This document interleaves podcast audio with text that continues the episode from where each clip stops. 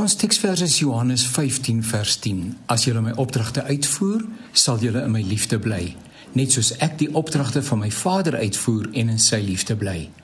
Dit sê ek vir julle sodat my blydskap in julle kan wees en julle blydskap volkome kan wees.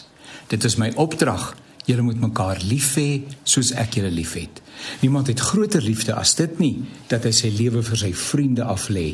Julle is my vriende as julle doen wat ek julle beveel. Jesus se vriendskap met ons word motiveer en in stand gehou deur liefde. Die liefde wat hy vir ons het, sy ondergeskiktes, nou sy vriende. Soos by die vriendskap, het hy ook eerste gekies om ons lief te hê. Vriendskap met Jesus dra die teken van liefde, word gekenmerk deur liefde. Die vraag is hoe Jesus liefhet, onvoorwaardelik onverdienstelik en onbepaald. Jesus het nie van ons verwag om eers te verander voordat hy ons kon lief hê nie.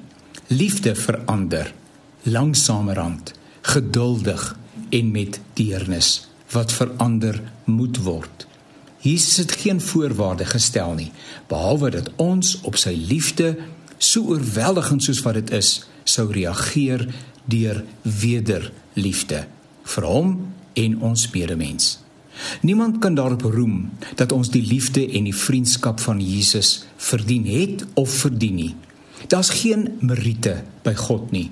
Ons staan skaam en naak voor sy hoë majesteit, bewend omdat ons nie weet hoe God met ons sal handel nie, totdat hy sy hand na ons toe uitsteek en ons nader nooi. Liefde verander mense. Soos God se liefde ons verander het en steeds verander, so sal die liefde wat ons teenoor ander mense bewys, hulle verander waar dit nodig is. Liefde kan nie konsekwent weerstaan word nie. Mense soog voor liefde. Jy staan weerloos daarteenoor. Jou defense, jou weerstand krummel en uh verbrokkel. Daar's geen ander uitweg nie.